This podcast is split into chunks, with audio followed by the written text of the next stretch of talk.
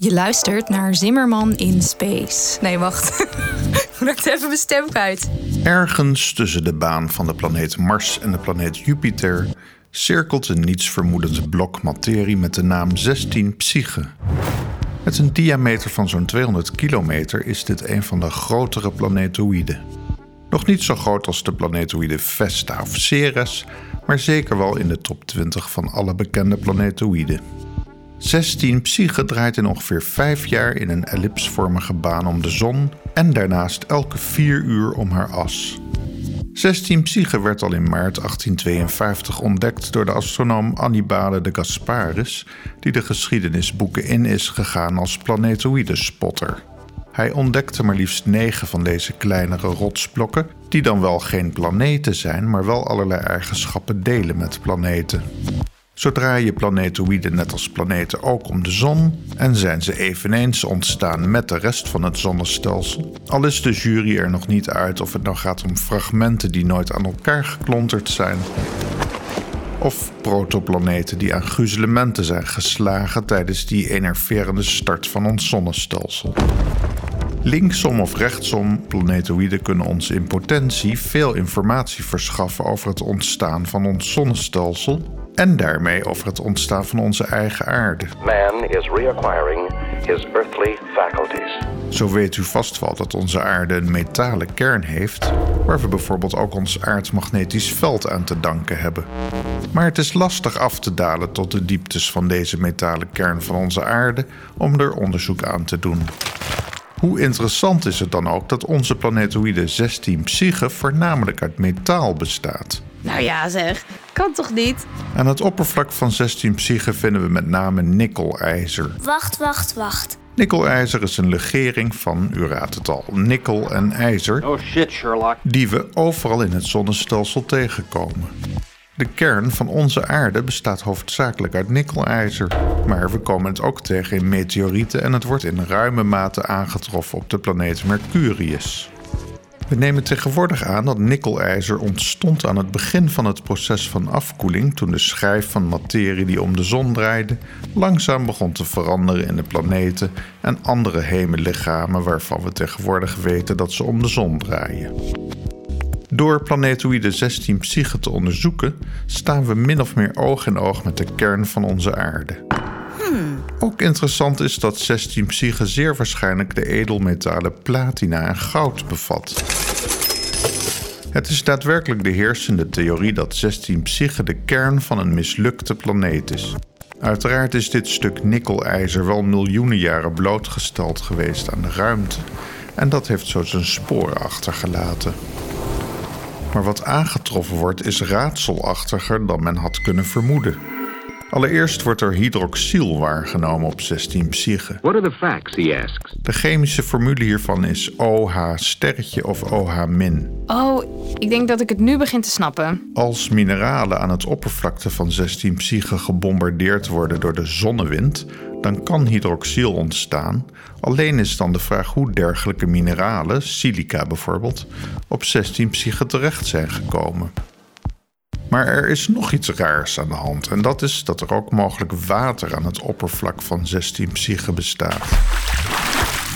Het ligt voor de hand dat deze raadselachtige mineralen en waterijs van latere datum zijn, bijvoorbeeld door inslag van andere objecten op 16 Psyche.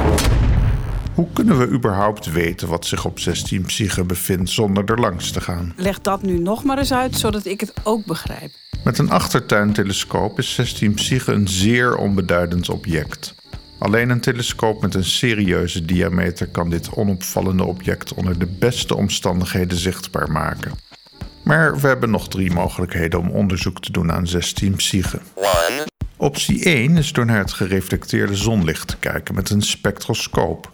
De NASA Infrared Telescope Facility keek, zoals de naam al doet vermoeden, in het infrarode gedeelte van het spectrum van het weerkaatste zonlicht.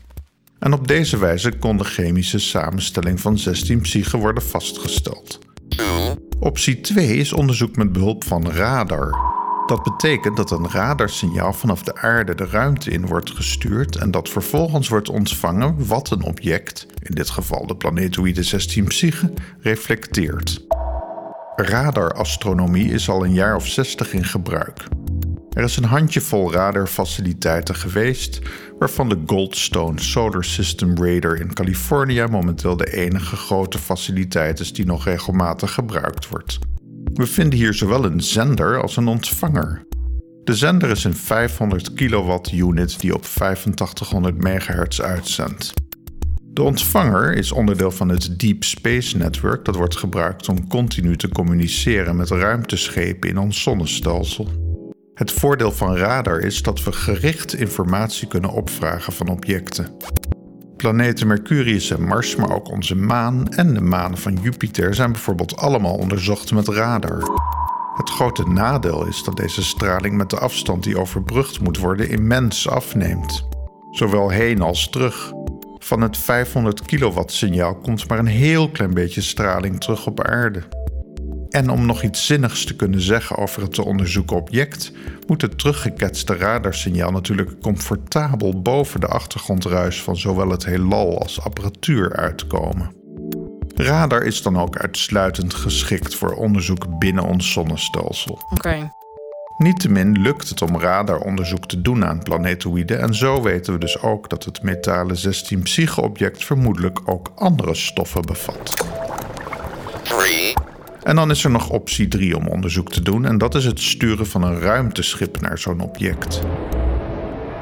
In augustus van 2022 zal, als alles naar verwachting verloopt, het Psyche-ruimteschip gelanceerd worden. In 2026 moet het arriveren bij 16 Psyche om er zo'n twee jaar onderzoek aan te doen. Dat is dan voor het eerst dat de mensheid onderzoek doet aan een metalen hemellichaam. Een van de belangrijkste instrumenten die het Psyche-ruimtevaartuig meeneemt is een magnetometer om te kijken of 16 Psyche net als planeet Aarde misschien een magnetisch veld heeft. En als er dan geen huidig magnetisch veld is, dan zijn er misschien wel sporen van oud magnetisme die gemeten kunnen worden. Daarnaast wordt de chemische samenstelling van 16 psyche uiteraard onderzocht om vragen te beantwoorden zoals: is er echt water op het oppervlak en hoe is het daar gekomen?